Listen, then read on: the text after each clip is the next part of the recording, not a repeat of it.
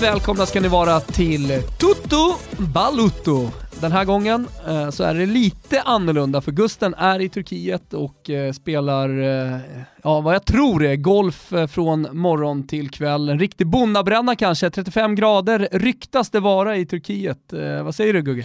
Ja, man är ju vallon va, i, i grunden så att eh, bonnabrännorna har jag klarat mig undan i snart 30 år. Men det är Vad är jävligt vallon? varmt och det är jäkligt mycket golf. Jag vet inte riktigt vad vallon är.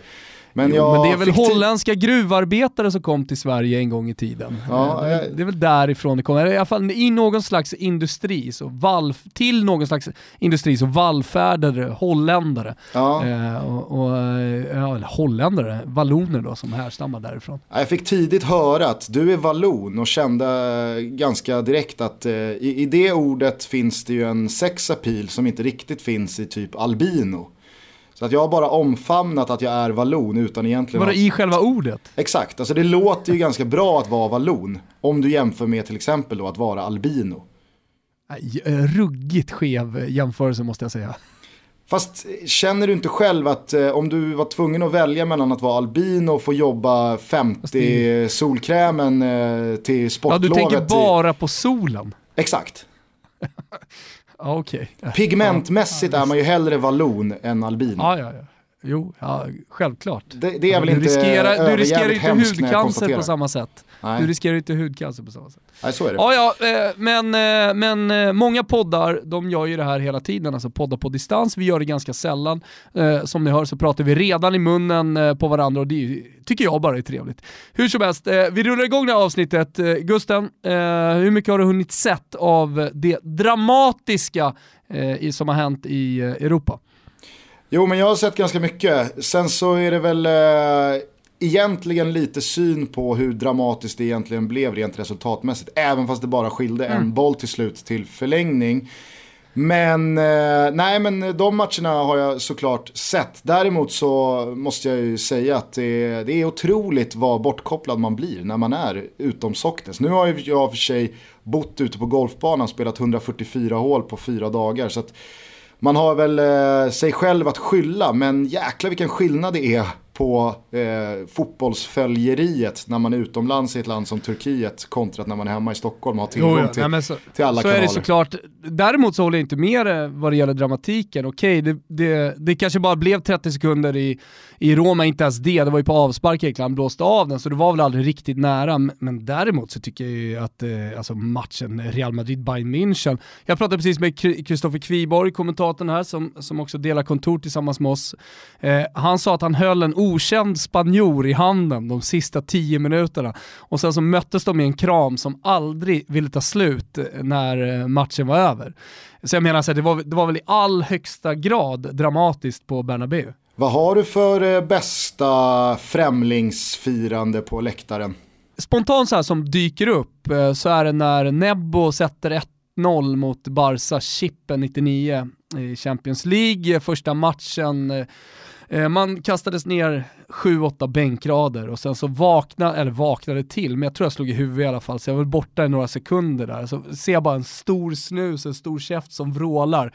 Det luktar öl, eh, lite lite bajs också, ska jag säga. Eh, och sen så kommer den där munnen bara över min mun.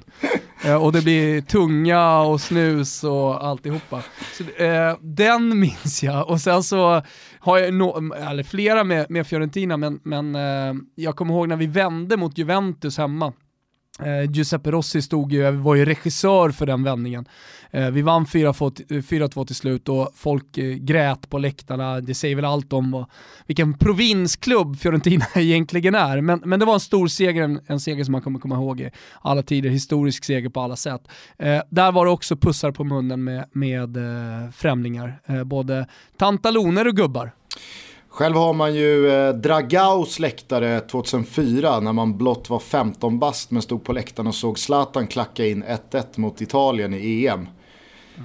Då var det ju eh, kärlek över gränserna eh, mellan alla svenskar och eh, en gubbe från Hudiksvall, eller gubbe, han var väl kanske 50 bast, han var väl som du typ. Eh, han eh, lyfter bara upp mig som eh, man gör när man har gift sig. Alltså mannen lyfter upp frun Ja. i någon sån här bärande position. Så stod han med mig sista minuterna. Efter att Zlatan hade klackat in 1 Och du låg där i hans famn i Ja, jag, fosterställning. höll, jag höll om hon, hans hals liksom och så avslutade jag och såg matchen så. Var det obehagligt eller kändes det Ja, men han, han var ju tidig, tidig för att vara en eh, liksom medelålders svensk, jag tror han var från Hudiksvall. Eh, så han var ju tidig på jinxen, så han sa det. Jag vill Känslan inte... är att det är mycket valloner i Hudiksvall. Kanske. Men han sa det att det känns som att Italien gör 2-1 om jag släpper dig. Så jag håller dig här nu så här till slutsignalen. Ja men den är ändå fin. Alltså det, det, det, där ska jag ge honom cred. Ja. Alltså flytta inte på några kuddar och så vidare utan fortsätt fullt ut hela vägen in i mål. Nej men eh, så, så det var ju dramatiskt eh, som Kviborg sa, självklart för alla Real Madrid-fans och ja, för Bayern München-fans. Och därifrån så tar man ju också med sig den starkaste bilden. Eh, den, eh, ja, men om man ska säga de, de, de mesta känslorna från eh, Ulreich, eh, keepern eh, som missar, eh, blir ju såklart snabbt eh, viral, man gör en massa lustiga grejer med honom. Jag tror inte han tänker så mycket på det, utan han tänker väl mest på förlusten, men han sitter kvar på ett Bernabéu som håller på att tömmas av då eh, euforiska Real Madrid-fans. Och han sitter ensam liksom mitt på planen. Så finns det ju, finns det ju bilder på det. Och då, då kommer jag ju tänka på Zachrisson, eftersom du eh, är och spelar golf så kommer jag ju att tänka på Zachrissons gamla citat, alltså man får parafrasera honom så är det väl något i stil med, eh, det var, jag tror det var Bajsteros som var uppe på grinen och allt gick åt helvete i slutet. Han, han slog som någon slags master. Ja, Eh, och han, han, missar en putt och jag vet att jag har sagt det här tidigare i podden men den passar bra här också. Det man ville säga till Ulreich i alla fall, det Zachrisson hade sagt om han hade kommenterat matchen, det var att vill man bara att det ska komma upp en liten flicka på planen och gå fram till Ulreich, ge honom en klubba och säga du är söt. Lite så kände man, eh, liksom, ja, nå- någon slags så här, eh, djup eh, omtanke. Och Ja. var inte bättre då än, än ett litet barn, eh, kanske just en liten flicka som kommer upp med en klubba. Eh, jag tyckte jävligt synd om honom faktiskt. Jag tycker Ja. alltid synd om så spelare som, som blir lite syndabockar. Jag tar med mig eh, tre saker från den här eh, Real Madrid-Bayern München-matchen. Till att börja med så tycker jag att det är smått sensationellt att vi alltså får en semifinal i Champions League två år i rad mellan Bayern München och Real Madrid. Där första matchen på Allianz ska sluta med en bekväm Bayern München-seger. Men på något sätt krånglar sig Real Madrid därifrån med 2-1 och ingen fattar riktigt hur.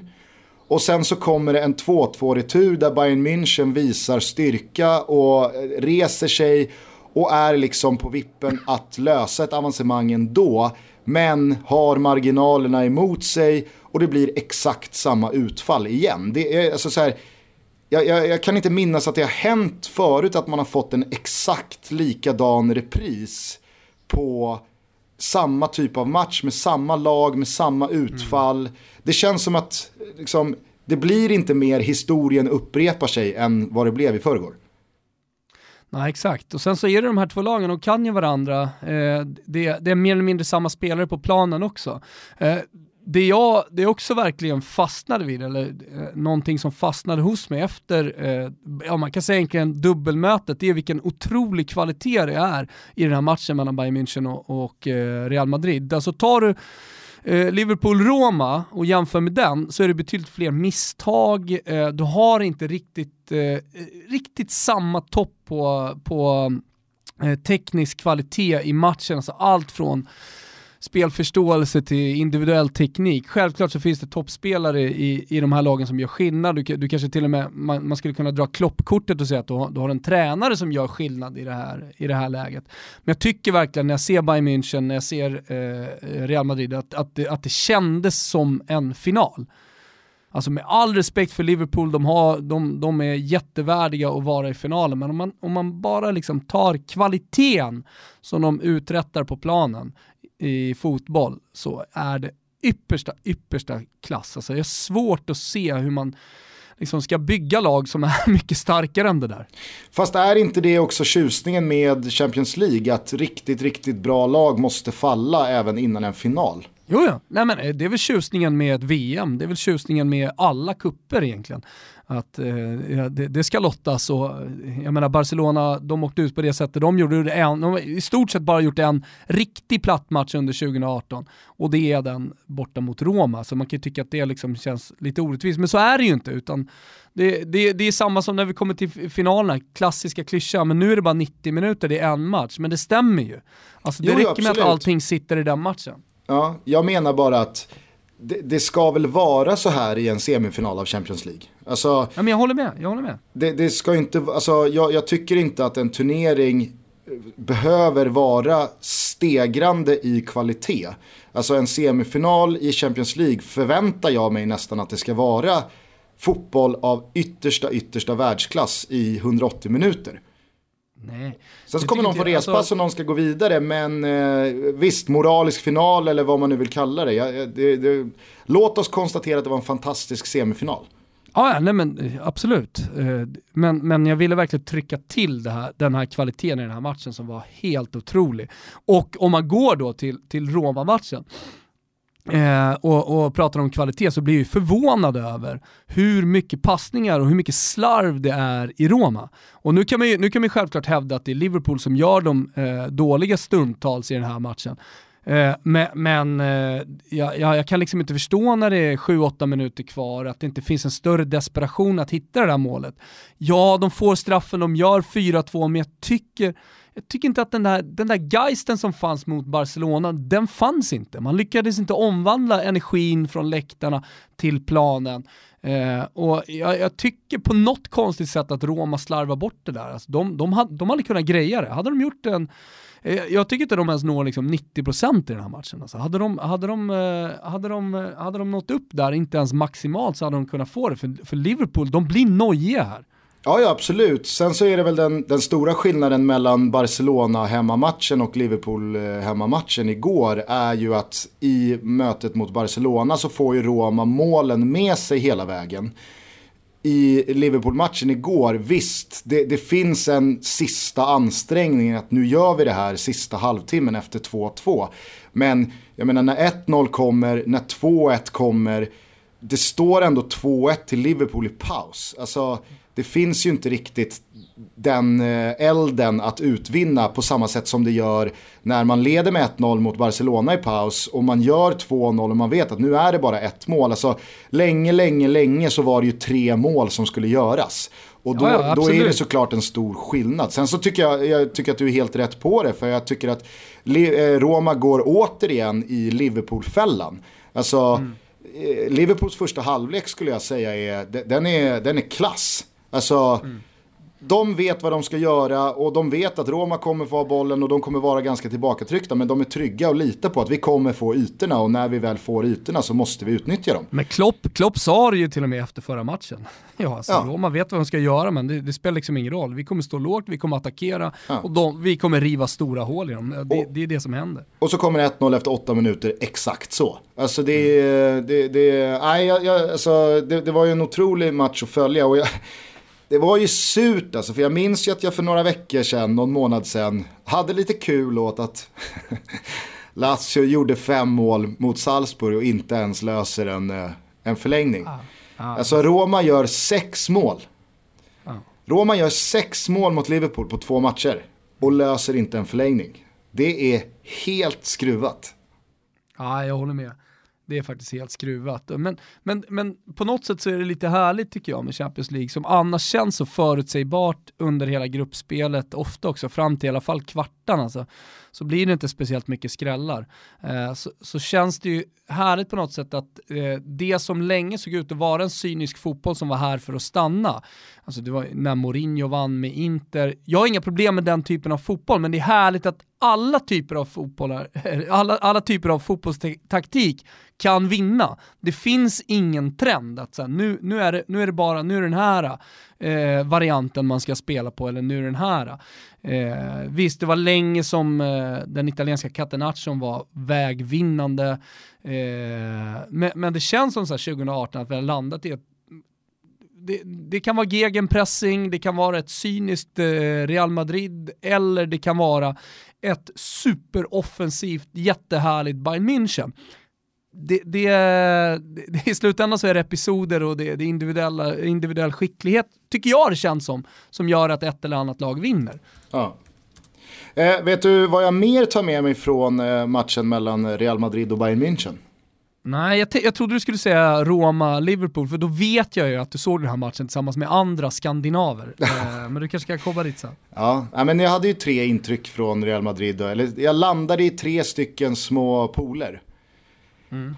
Eh, och det, det, andra, det är ju Zinedine Zidans facit i Champions League som Real Madrid-tränare. Alltså, mm. han tillträder som Real Madrid-tränare efter eh, Rafa Benitez för två och ett halvt år sedan. Och han har ännu inte åkt ur den här turneringen. Nej. Alltså det är, det, det, det ska liksom inte vara möjligt att, eh, att, att gå tre säsonger i den här turneringen. Jag vet att Rafa Benitez ska väl tillskrivas avancemanget från gruppspelet 2015 då. då. Men det är fortfarande ett, ett, ett facit som bryter liksom mot all logik. Mm. Det, det, det, det, ska inte vara möjligt. Och sen så vet jag att eh, Zidane och Real Madrid har ju fått sin eh, beskärda släng av sleven den här säsongen. Och vi vet alla att han satt på presskonferensen inför åttondelsfinalen och sa att ja, så åker vi mot PSG då kommer jag nog åka som, eh, som tränare, eller jag vet det. Eh, då är det över. Ändå så har han ja, men, med lite asterisk då för mötet mot Bayern München så har ju Real Madrid verkligen visat klassen. Och excellerat på ett sätt som äh, men jag tycker är helt otroligt alltså. Ja, sen, sen så måste jag säga, nu har jag sett Real Madrid eh, under Zinedine Zidane här under, under ett par säsonger i de här stora matcherna eh, live.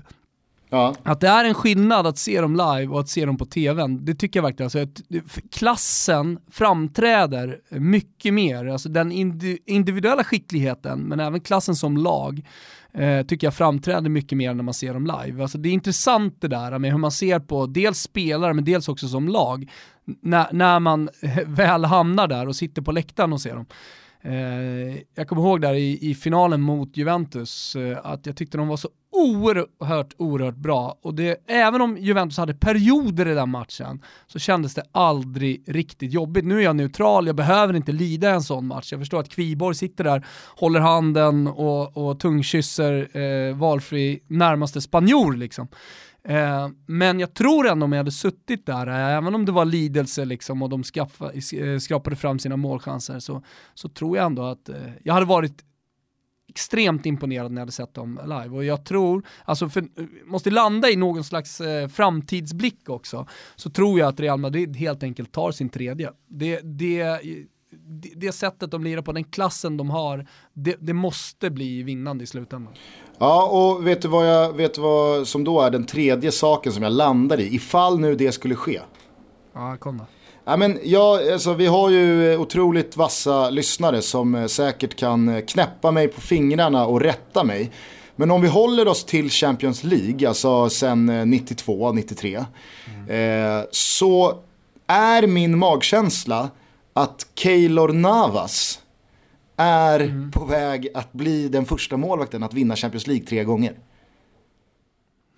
Ja, vad har du emot där då? Ja, det skulle eh. kunna vara någon eh, Victor Valdes. Men jag är tveksam, jag vet inte. Det är om han spelade 06, 09 och 11. Hur som helst, jag tycker i alla fall att det är kul eh, för Keilo Navas skull som har varit lite ifrågasatt under långa perioder i Real Madrid. Alltså han fick ju sitt stora break. Han var ju så break. jävla het 14 va? Precis, han fick ju sitt stora break i Costa Ricas landslag under 14 och det var ju en del spelare som fick sitt stora genombrott, gick för stora pengar, inte minst då James Rodriguez som jag inte säger någonting om som fotbollsspelare. Det har han ju inte minst visat i Bayern München under den här säsongen. Men han togs ju till Real Madrid på samma sätt. Alltså det var Mm. Kanske ett par hundra miljoner för mycket i prislapp bara för det där VM-slutspelet. Han skulle in i laget till vilket pris som helst trots att det inte fanns plats för honom. Och han satt och häckade på kvisten alldeles för långa stunder. Keylor Navas, det var lite mer så här, ja men Costa Rica löser ett avancemang ur en omöjlig grupp. Vad fan är det här för jävla slips? Han är ju hur bra som helst. Hamnar i Real Madrid som någon slags i väntan på de Gea-lösning. Och så har det pratats om de Gea i varje fönster men Keylor Navas har fortsatt stå halvår efter halvår efter halvår. Och nu har han redan staplat två Champions League-titlar på hög. Skulle han nu ta sin tredje, men då är det så här, ja Keylor Navas, det kanske är den enda målvakten som har vunnit tre Champions League-titlar. Mm. Det blir någon slags slutgiltigt eh, men, ett slutgiltigt omdöme och att man kan slå ja, men... fast att Keylor Navas är det är en jävla världsklassmålvakt. Ja men är det inte också lite så här, ett namn, en, en målvakt som man kommer glömma bort lite grann om 15 år när man sitter i quiz eller när man sitter och diskuterar vilken, vilken var den bästa målvakten under 10-talet till exempel. Och då kommer Neuer komma upp, Buffon kommer komma upp eh, och sen så kommer smart guy liksom ute på flanken eh, bolla upp eh, Keylor Navas. Kult, eh, han, han blir nästan lite kult då i framtiden. Ja, Ja men verkligen. Och så kommer folk skaka på huvudet och säga nej. Och sen så kikar man in på meritlistan. Mm. Ja men du kikar in på där meritlistan. Där har vi tre Champions League-titlar. Ja men det som också sticker ut, det är ju kvartsfinalen med Costa Rica. Det är ju i stort sett, med tanke på det laget han spelade i, ett VM-guld i sig. Ja men alltså, precis. Det, det är alltså... nästan värt ett VM-guld som ett VM-guld är för Neuer. Många brukar, ju, många brukar ju säga att Zlatan har det mesta i sin karriär, men han har ingen Champions League-titel och han har heller inte liksom the mästerskap. Visst, Nej, Sverige, Sverige, Sverige var bra 2004 och Zlatan var en stor bidragande orsak till det. Men Zlatan har ju inte excellerat i något ja. mästerskap. Alltså, och då räknar jag in EM också. Han har gjort några mål, men det är ju inte så att Zlatan har burit Sverige till en kvartsfinal eller en semifinal och, och verkligen eh, skrivit in sig i mästerskapshistorien. Keylor Navas har nu, alltså han har ju the mästerskap. Han har överträffat alla förväntningar och varit nästan tungan på vågen för dem i ett VM. Han har snart, om vi får tro att Real Madrid slår eh, Liverpool i finalen, tre Champions League-titlar. Och han har då, ja, alltså han har ju två säsonger till i sig i Real Madrid. Är det möjligtvis toppfotbollens Anton Tinnerholm vi sitter och pratar om här? Är det mallen? Mallen, ja kanske är det mallen. Är det mallen Keylor Navas bjuder på? Ja det är möjligt, det är möjligt. Vi får känna av våra lyssnare Gusten. Dessutom verkar ju vara en hyvens jävla snubbe också. Du minns ju för något år sedan när han eh, rakade av sitt topphår. Eh, I sympati med någon eh, närstående som hade fått cancer och skulle genomgå en chemotherapy. Ja, jag kan ingenting om uh, Keylor Navas som privatperson, men, men det Ja, men hade du i, alla fall för, i sympati ja. med en närstående rakat av ditt hår så hade det ju varit, det kanske ändå var till det bättre. Han hyvlar ju ändå bort ett 5 plus barr. Ja men lyssna här nu då, för nu kommer snitsen. Eh, jag tycker det passar bra in. Eh, det, har ju, det har ju pratats väldigt mycket eh, senaste året, men det har blossat upp i Sverige de senaste veckorna det här med hur mycket sympati man ska visa för en spelare. Eh, en, en eh, allsvensk eh, lirare drar eh, ljumsken, ja, men ska spelarna gå, gå in med t-shirtar? Vi tog ju upp det tidigt när eh, Barcelona klev in med eh, eh, vem var det? Var det ja, det var Dembele. Dem, Dembele som är tillbaka nu för övrigt då, och kanske börjar flyga. hur som helst, så tog vi upp det tyckte att där går väl fan gränsen liksom. Eh, och sen ja, han, han senaste... åkte ju på en vanlig fotbollsskada, out i mm. fyra månader. Ja, precis. Out i fyra månader. Och, och helt plötsligt så då skulle en, eh, en hel supporterskara stå upp tillsammans med spelarna som kliver in med t-shirtar. Och då tänkte vi så här, hur långt ska det här gå? Är det, är det dragen ljumske nästa gång det, det är tischa? Men på slutet för det här bygger ändå på kärlek någonstans kan jag tycka. Och på slutet så har det kommit andra krafter då som tycker att eh, det är löjligt att eh, kliva in med t-shirtar när någon har skadats och så vidare. Och så såg jag då Roma eh, som var, får vara eh, någon slags pelare för den här eh, snitsen eh, har på sig Sean Cox, alltså Liverpool-supporten som blev nedslagen och nu ja, har väl legat i koma och, och svävar mellan liv och död och man vet inte hur han kommer vakna upp eh, efter, eller innan matchen mot eh, Roma i Liverpool. Då. Eh, och det tyckte jag var en jävla fin gest av Roma. Så hellre i så fall att eh, liksom i en fotbollsvärld som ändå är fylld med väldigt mycket rivalitet och hat, att det också finns kärlek och att det kommer från spelarna, så tycker jag att det är bättre att vi, att vi jobbar på det sättet. Jag vet att vi har pratat om Dalkurd som körde Torina-ramsan på eh, på Friends Arena i, i premiären. Andra, igår, eh, vi spelade in det här på torsdag igår när AIK spelade mot Sirius, så visade Sirius-publiken också en stor vördnad och respekt eh, och hedrade Ivan, Ivan Torinas minne på femårsdagen. Eh, eh, så, och när det då finns en massa krafter som försöker göra sig roliga, lustiga och förlöjliga det här, eh, så skulle jag i alla fall vilja slå ett slag för eh, just eh, den här kärleken som de visar. Ja, verkligen. Det tycker jag var en, eh, det var, det var en fin och adekvat schnitzel. Sen så, eh, alltså, om jag har förstått hela den här eh, turen rätt så har det ju blivit eh, lite, lite liksom då kängor mot AIK. Att vem ska man gå in eh, med en t-shirt för nästa gång? Mm. Det, det, har ju att göra med att AIKs oflax med riktigt jobbiga jävla långtidsskador i vissa fall så har de kostat karriären, eventuellt kostat karriären.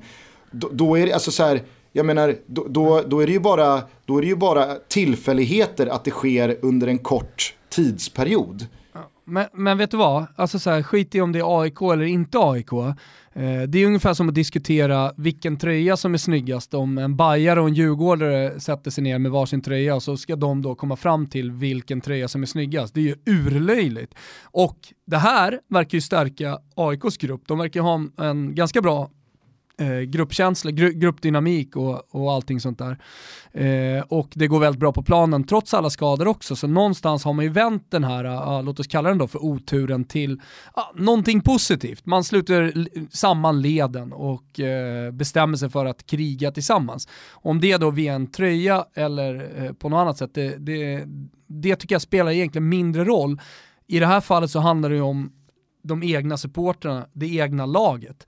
Eh, så att egentligen, precis på samma sätt som liksom tröjdiskussioner eller andra, där, eh, andra diskussioner där det blir väldigt subjektivt, så bara lägg ner.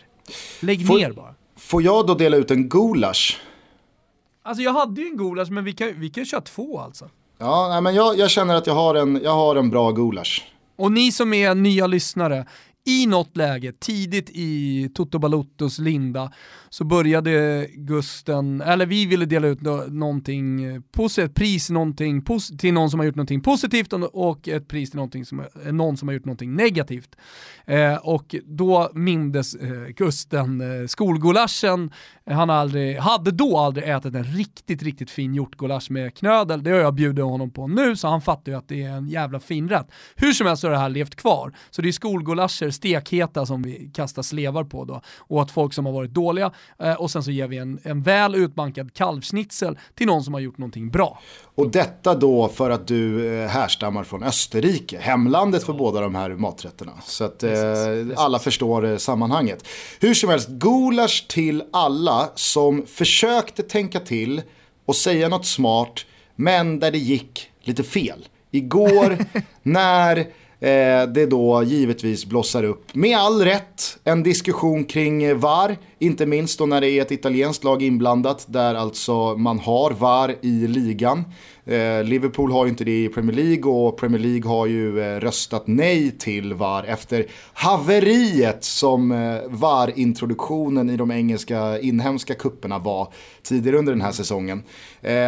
Men bland annat då så har ju Romas president James Palotta gått ut och dundrat ut att det är en skandal. Jag läste att Florenzi var inne på samma spår. Monchi, sportchefen, tycker att det är ett skämt att Champions League inte har VAR. Och Eh, han säger då att hade vi haft VAR så hade Bayern München spelat final mot Roma. Och det här har ju då varit konsensus på Twitter sen den här matchen blåstes av. Och jag tycker att det är så korkat sagt. Oh. Ja, det hade kanske blivit annorlunda utfall i de sekvenserna. Men att, att förminska och förenkla fotbollen så pass mycket att hade det hänt så hade det slutat så här.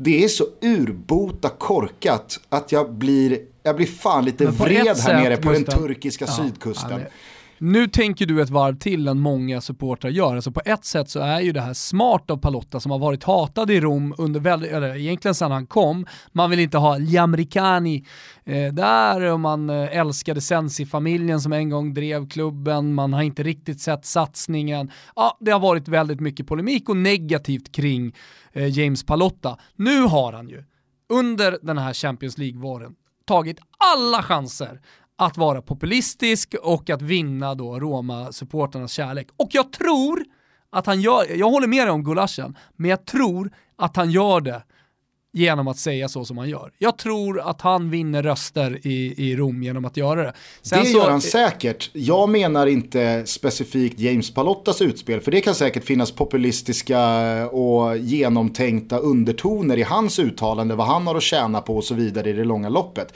Det jag pratar om är den bristande logiken i så många eh, människors sätt att se på fotboll. Att man tror att det är så enkelt att, jaha, hade bara Roma fått den där, alltså så här, Matchen slutade 4-2, men Roma skulle haft det målet i den 60 minuten. Do the math, då hade Roma vunnit med 5-2 så hade det gått till förlängning. Nej, hade Roma fått det målet så hade det blivit en annan match och ingen vet hur den matchen hade slutat. Mm. Alltså ingen vet hur den matchen hade slutat. Nej. Då hade det kanske hänt Nej. någonting annat fem minuter senare åt andra hållet.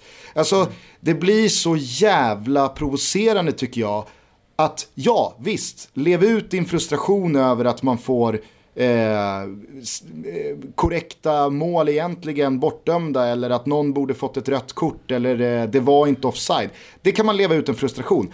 Men att vara nere på liksom eh, simpla matte A-ekvationer och då tro att ja, men addera bara de två uteblivna målen till slutresultatet så hade vi haft en annan finalist. Det, det, är, det är ännu mer frustrerande än att Dzeko vinkas av för offside när han inte är offside. Ja men när vi ändå är upprörda då Gusten, här kommer en liten mini-gulasch. Eh, jag läser, citerar här från en artikel som Marcus Vulkan på GT Expressen har skrivit. Är du med? Mm. Mannen, mannen som tillsammans med dig har suttit kvar i Benzema-båten hela vägen. Och nu jävla går vi som en pansarkryssare vet du. Det räckte med ett mål Gusten för att vända upp och ner, komma upp på ytan och eh, ja, har styrt in skutan mot den här finalen. Jag ska, du ska se att det är han som avgör finalen vad det lider. Äh, men lyssna på det här nu då Gusten. Ja. I en intervju före avspark berättade Bosko Orovic att målvakten Demir Meir är skadad och att det handlar om en överkroppsskada. Han vill inte precisera närmare än så. AIK har börjat prata i liknande termer den här säsongen. Vi har sagt att vi ska göra det. Vi känner det. Det är en läkarfråga. Vi har fantastiska läkare som hjälper oss med eh, vad vi ska säga i de här frågorna. Och jag kan förstå det. Det finns alltid människor som kan försöka få upp en skada, säger Orovic. På Gais hemsida kan man dock läsa att Damir Mehic, eh, eh Mehic har problem med ett finger. ja, men, det, det, är jävligt roligt. Eh, nej men just, eh, alltså minigulaschen går ju då till det som AIK har startat som uppenbarligen också guys eh, har hakat på lite, att man tror då att om man om man berättar vad det är för skada, om det nu är det här som ligger i, i, som grund, om man berättar vad det är för skada så ska motståndarna kunna utnyttja en sträckt ljumske, en baksida lår, eller att man i alla fall inte berättar för motståndarna vilken trupp man kommer med så att de kan förbereda sig. Nu känns ju Rickard Norling extremt nojig i de här fallen. Eh, jag såg honom till exempel i intervju igår med Axel Pileby på Simor som för övrigt går som, eh, som tåget där borta, superreporter, jag tycker han gör det jättebra.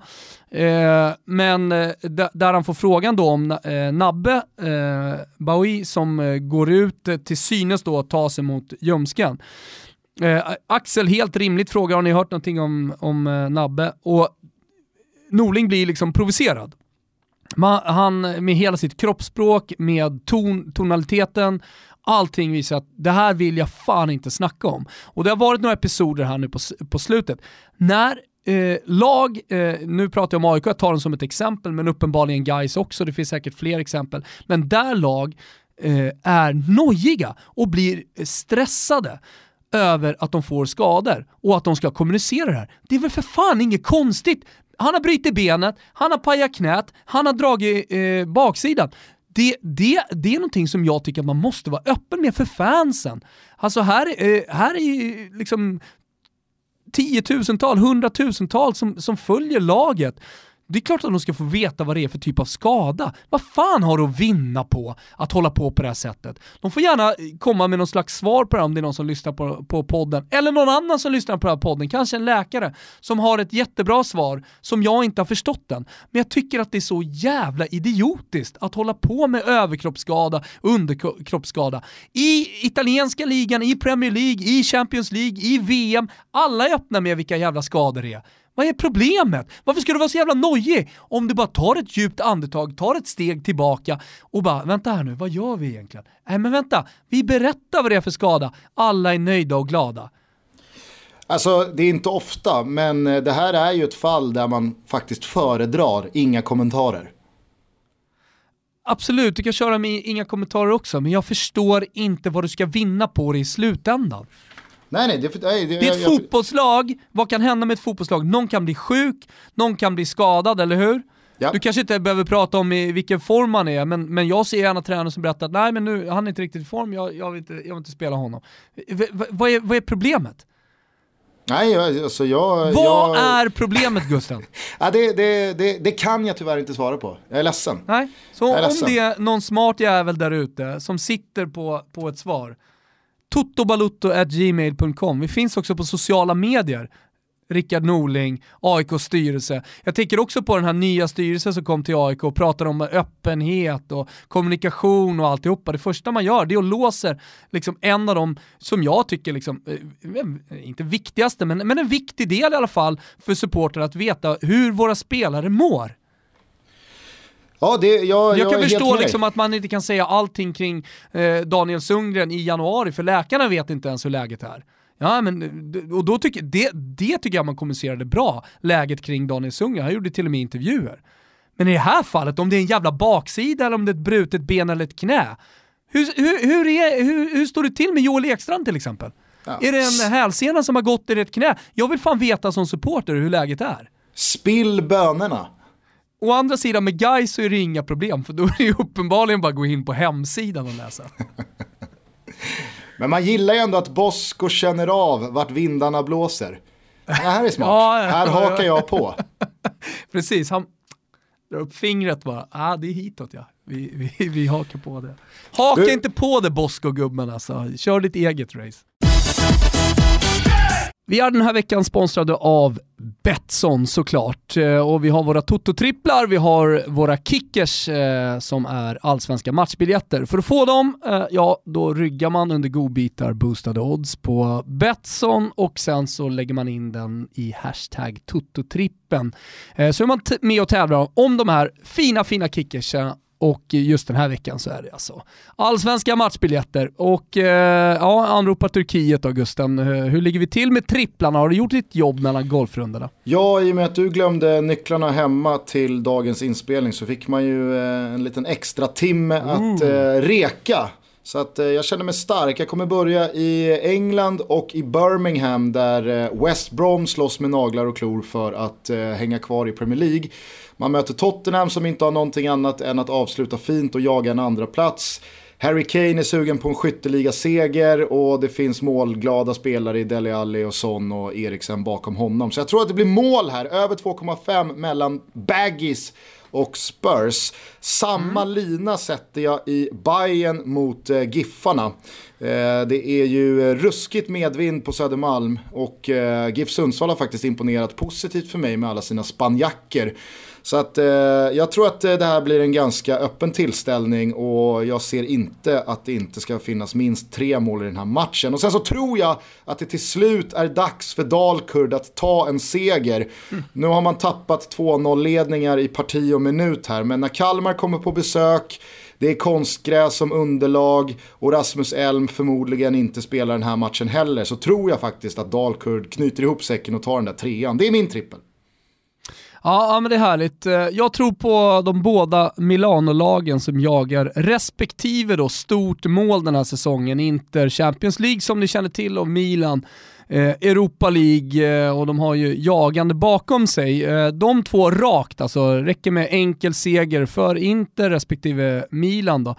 Eh, och sen så tror jag på en riktig holmgång mellan Lazio och Atalanta. Eh, där har vi Lazio då som försöker hålla undan för Inter och sen så har vi Atalanta som eh, går för den här Europa League-platsen. Ser också dessutom offensivt ruggigt bra ut, båda de här lagen. Jag vet att Chiro Immobile är borta, men det ger oss också lite odds. Eh, jag litar på att Simone Inzagis offensiv är densamma och jag tror inte att man gör om speciellt mycket, snackas om falsk nia och så vidare, men, men det kommer ju vara samma liksom, öppna spjäll när Lazio lirar. Eh, och den raka ligger mellan 1,75 och 1,80 beroende på eh, vad som har hänt med oddset när ni lyssnar på det här. Så jag, tycker det, jag tycker det är fint. En eh, hel italiensk trippel med eh, motivation i samtliga av mina vinnare och det är ju viktigt så här i slutet på säsongen. Härligt då Gusten, eh, då går vi in i den här uh, helgen starka med två stycken, som jag ser det, starka tripplar. Verkligen. Tack Betsson! På tal om Boskorovic så kan man ju följa honom och eh, Guys som han är tränare för väldigt nära genom Offside det här året. De mm. eh, hänger på dem i en liksom, kontinuerlig reportageserie innanför eh, de, de slutna väggarna så att säga. Och jag skulle faktiskt vilja rekommendera eh, offside med, med min största, eh, varmaste hand här. Jag har precis eh, avverkat deras senaste eh, legendarnummer, kultnummer väljer de att kalla det. Eh, det har ju kommit ut eh, något sånt eh, varje år eller vartannat år tror jag. Mm. Och jag måste säga att det, jag, jag har läst några reportage här i som har varit otroligt bra. Johan Orenius gillar ju vi båda. Ja, verkligen. Han har skrivit ett så jävla bra reportage om Mustafa El Kabir. Eh, och det här är ju innan han kommer tillbaka till Häcken. Men det är nere då i eh, Antalyaspor där jag befinner mig. Så det var, var lite roligt att läsa det här när man ändå, mm. när man ändå var på plats. Och, du är i Antalya? Ja, exakt. Mm. Eh, men han spelar ju Antalyaspor. Eh, ja, exakt. Ja. Eh, och nu har det ju stormat lite kring eh, Mustafa El Kabir här senaste dagarna. Alla har ju sett att han har kommit tillbaks till svensk fotboll några kilo tyngre än när han lämnade. Det kan vi alla konstatera. Sen så är Den... ju du och jag de stora, kanske de största förespråkarna för att så länge bollen hamnar i nät ja. så får man se ut och bete sig precis hur man vill. Jo, men det, Då... det finns ju några klassiska exempel på det, alltså, vi har pratat om dem, Nej, som Dario Hübner som var en late bloomer, kom sent, vann skytteligan. Eh, vi, vi har eh, ja, på senare år Radja Nainggolan som uppenbarligen eh, röker men gör det jättebra ändå. Eh, finns de som visserligen nu hävdar att Nainggolan börjar ta slut av 29 bast just på grund av sin rökning. Jag säger att han inte är på väg att ta slut. Eh, men vi hade också, alltså, vi har ju många exempel på lag, eh, spelare som har varit stjärnor, alltså Di Odinese Udinese som inte ens tränade under veckorna. Eh, Battistuta i Florens kunde göra vad han ville, kunde festa mycket som han ville, hur mycket han ville för att han gjorde mål. Men, men, men jag tycker att den där oskrivna regeln eh, som egentligen fansen har, att så, så länge du bara sköter det på planen så får du göra vad du vill. Den, den är ganska fin ändå. Ja, vi har väl en eh, liksom, eh, i positiva bemärkelser dagsaktuell anfallare i Adebayo Akinfenwa. Du vet eh, mannen som bänkar 250 kilo. Visst. Eh, som eh, visst sitter inne på ganska mycket muskler, men det, det är inte bara muskler innanför den där matchen. Men eh, han sköt ju sitt Y-comb här till eh, uppflyttning i dagarna. Så att, eh, då, då, då, är det nästan bara härligt att spelare bryter den fysiska normen och ja, är utanför men... ramarna. Framförallt så tycker jag att det, det är lite skönt att den eh, svenska ligan, allsvenskan, har eh, blivit mer italiensk. Alltså vi har, nu, nu är det inte så att jag sitter och hyllar eh, Kindberg, men alltså vi har en fet spelare som har kommit tillbaka. Jag tänker direkt på Maxi Lopez eh, bilder från Retirot och Ponne, Ponne! berättade att han, kom, att han vägde 104 kilo eller någonting sådär när han kom tillbaka och var tvungen att gå ner minst eh, 12 liksom, för att ens vara i match, matchform. Eh, vi, vi, vi har ju fått en, en supporterkultur som i mångt och mycket, alltså sen eh, 2000-talets inledning också, inspirerats av den sydamerikanska och den sydeuropeiska, framförallt den italienska, eh, so, som gör att vi har den här stämningen på läktarna. Eh, och kanske är det så Gusten, att El Kabir är den sista pusselbiten då, för att allsvenskan ska bli exakt så charmig som vi vill ha den. Ja, nej men för jag skulle tillbaka då till El Kabir. Han har ju nu efter förlusten mot Göteborg i Göteborgsderbyt eh, svingat en hel del mot personer på Twitter. Folk har vittnat om att han var ganska brysk i den mixade zonen efteråt och bara drog och inte ville prata med journalister. Och han har gått ut och svarat på den kritiken, kanske inte på det mest rumsrena sättet. Eh, det har väl pratats om att folk ska äta bajs och så vidare. Men... eh, men efter att ha läst det här reportaget som Orenius har gjort med El Kabir så måste jag ändå liksom säga, jag landar i att det, det, finns något så jävla härligt när man förstår människor. Mm. Alltså det blir sån jävla tydlig, målande och bra bild av vem Mustafa El Kabir är som människa. Han är otroligt öppenhjärtig och han är ångerfull men han är samtidigt principfast och eh, det eh, Orenius ifrågasätter eller kanske säger så här, det, det kanske du ångrar. Nej, det ångrar jag faktiskt inte för att jag kommer aldrig liksom tumma på vem jag är. Eh, det är inte värt att eh, gå, ifrån och, eh, gå ifrån sina principer och inte vara sann mot sig själv bara för att spela fotboll. Då tycker jag det här är viktigare. Eh, och, och, när eh, Orenius då antyder att det hade kunnat gå annorlunda i karriären ifall han hade rättat in sig i ledet mer så säger han så här, men har jag haft en dålig karriär då? Alltså, ja.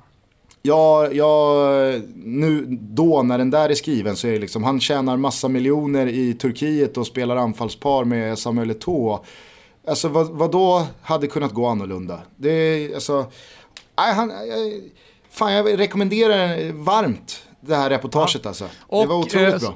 Som, som, en avslutning då eh, till hyllningen eh, här, eller på hyllningen till Offside, så är det någonting som naggar, någonting som eh, verkar båda gott, en satsning då inför VM. Eh, det som pirrar mest i mig när jag, när jag sett eh, de olika satsningarna, som har kommit ut med dem i alla fall, så är det ju just eh, eh, Anders Bengtssons och Johan Orenius resa genom Ryssland.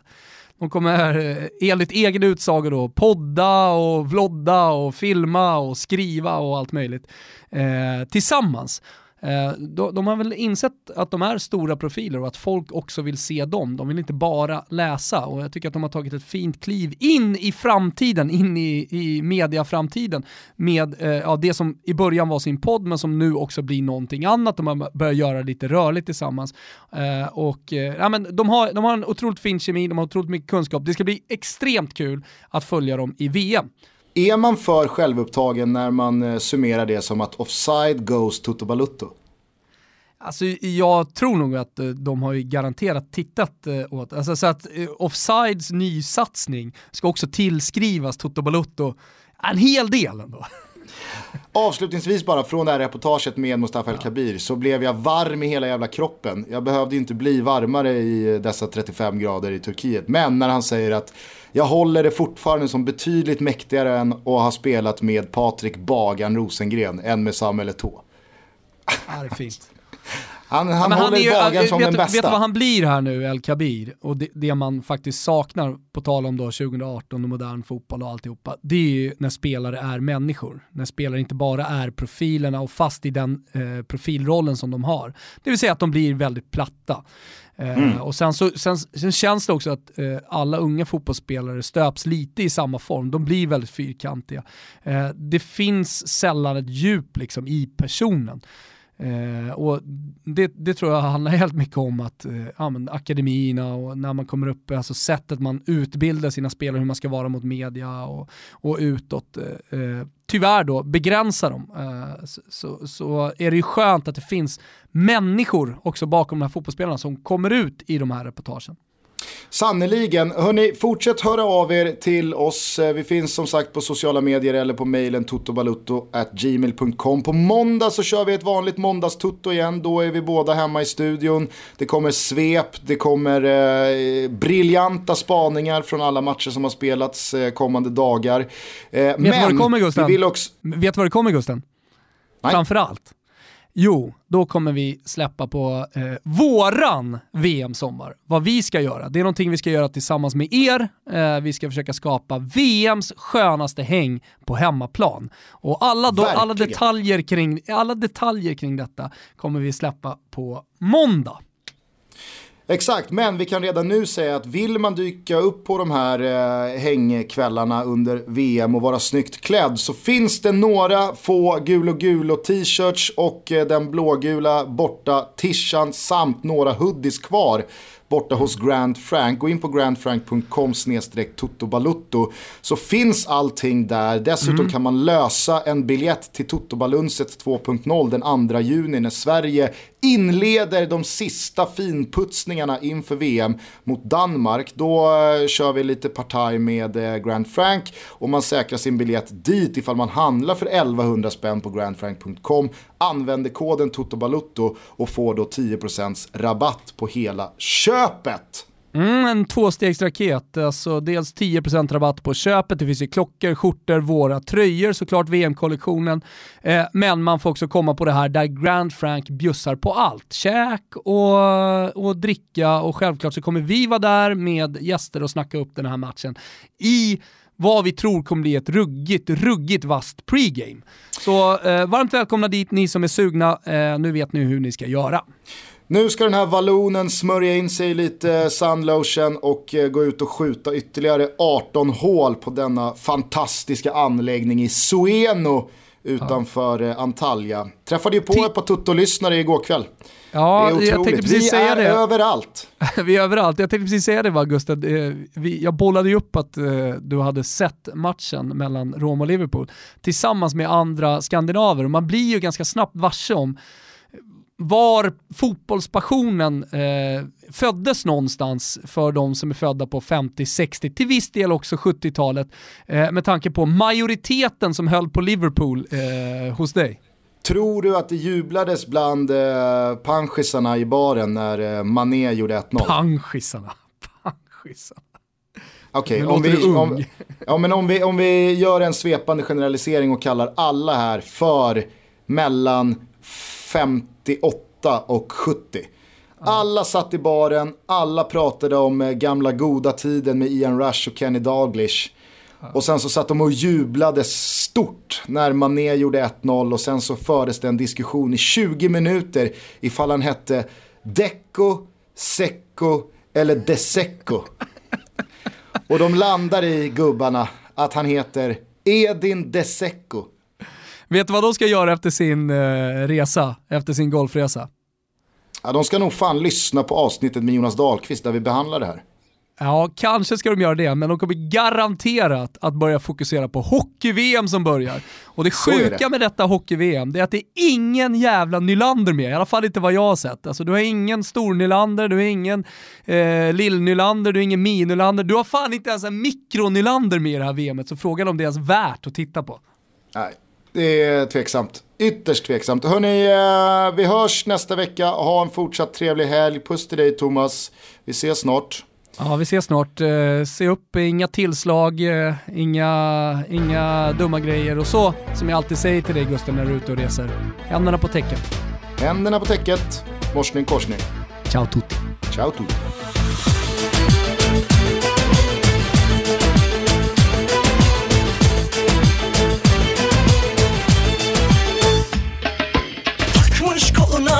Adamını beni orta yerinden çatlatıyor. Ağzına sakızı şişirip şişirip arsız arsız patlatıyor. Biz böyle mi gördük babamızdan ele güne rezil olduk. Yeni adet gelmiş eski köye bak dostlar mahvoldu. Seni gidip fındık kıran yılanı deliğinden çıkaran Kaderim püsküllü belam yakalarsan seni gidip kıran Yılanı deliğinden çıkaran Kaderim